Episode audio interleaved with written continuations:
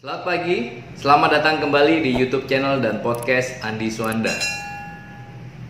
Banyak listing properti, tetapi tidak juga closing. Kesalahannya ada di mana? Apabila Anda mengalami hal tersebut, maka Anda wajib menonton video ini sampai tuntas.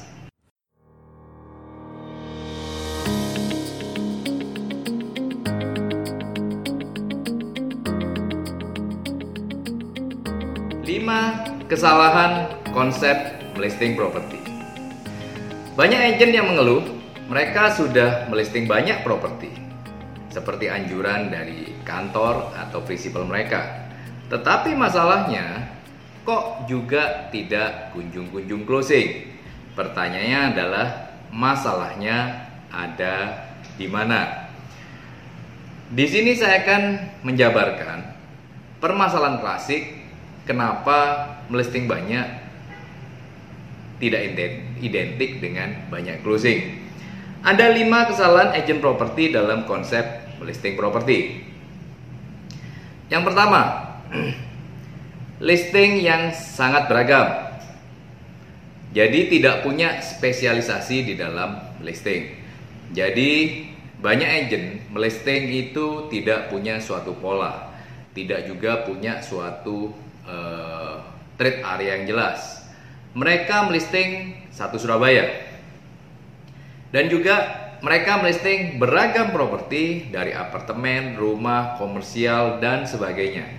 Akhirnya apa? Mereka tidak punya sesuatu spesialisasi tertentu. Apabila spesialisasi ter tidak terbentuk, maka yang terjadi adalah speed Anda sebagai marketing itu akan berkurang secara drastis. Jadi speed Anda dalam closing property, dalam closing listing akan kalah dengan agent-agent properti yang punya spesialisasi di dalam listing properti.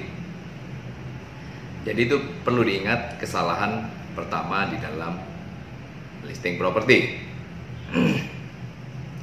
Kesalahan yang kedua di dalam konsep listing property adalah hanya fokus pada quantity. Jadi banyak agent ini istilahnya tiap hari bisa memproduksi listing secara luar biasa. 10 listing, 20 listing per hari.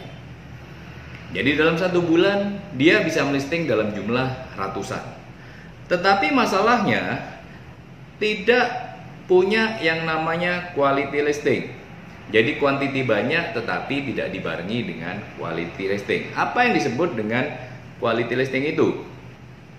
Jadi quality listing adalah listing-listing yang kita ngomong adalah green stock atau yang biasanya Anda sering dengar adalah hot listing atau yang disebut dengan listing yang sellable. Jadi saran saya begini. Misalnya Anda punya listing 300 tetapi tidak mungkin serta-merta Anda memasarkan 300 listing tersebut secara bersamaan dan fokus, tidak mungkin.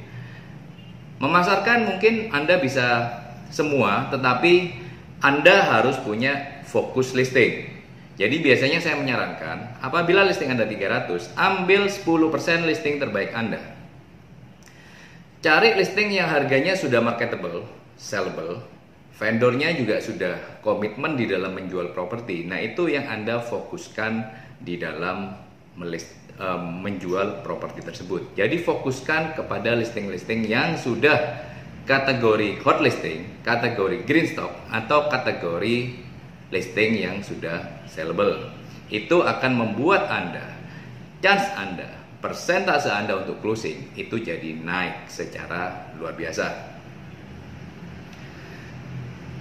Kesalahan yang tiga dalam konsep listing properti adalah suka sekali dengan yang namanya open listing. Jadi kadang banyak agent yang tidak pernah ketemu dengan vendor itu sudah melisting. Semua diambil tetapi secara open listing. Tetapi pengalaman saya 15 tahun di properti, listing terbaik adalah eksklusif listing Exclusive listing membuat Anda lebih punya kontrol. Jadi Anda tahu kapan properti ini akan laku karena Anda yang pegang kontrol, Anda yang pegang power.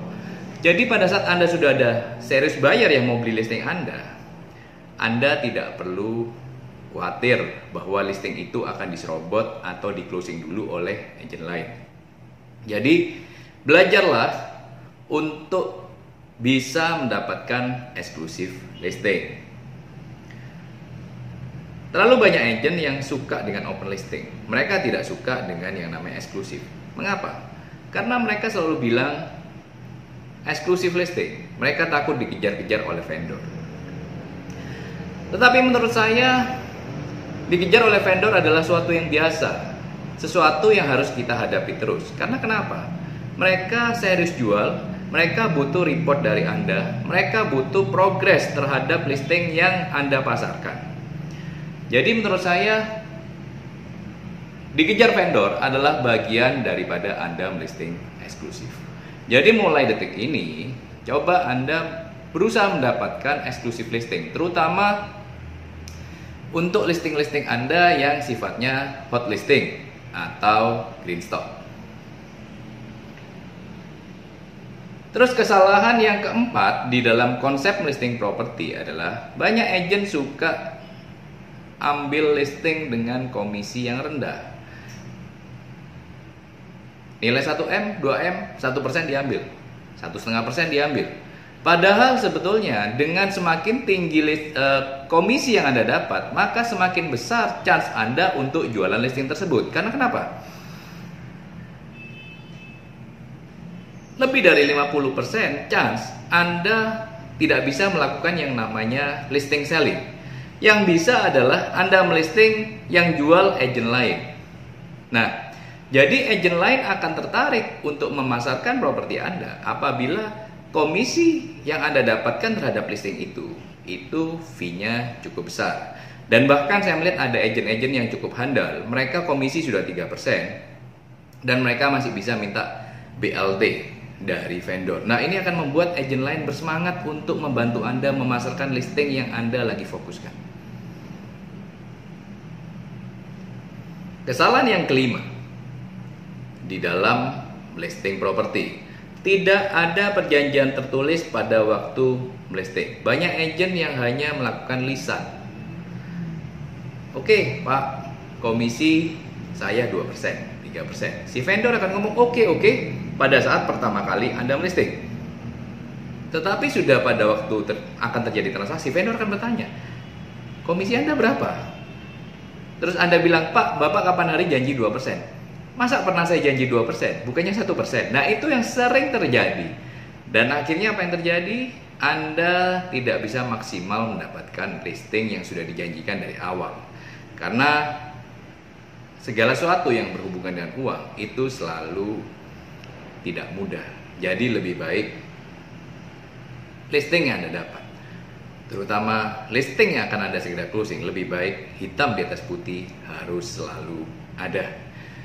Ini adalah 5 kesalahan dalam konsep listing properti. Semoga konten ini berguna bagi Anda dan semoga Anda segera closing. Sekali lagi, terima kasih sudah mendengarkan video ini dan semoga video ini bermanfaat buat Anda.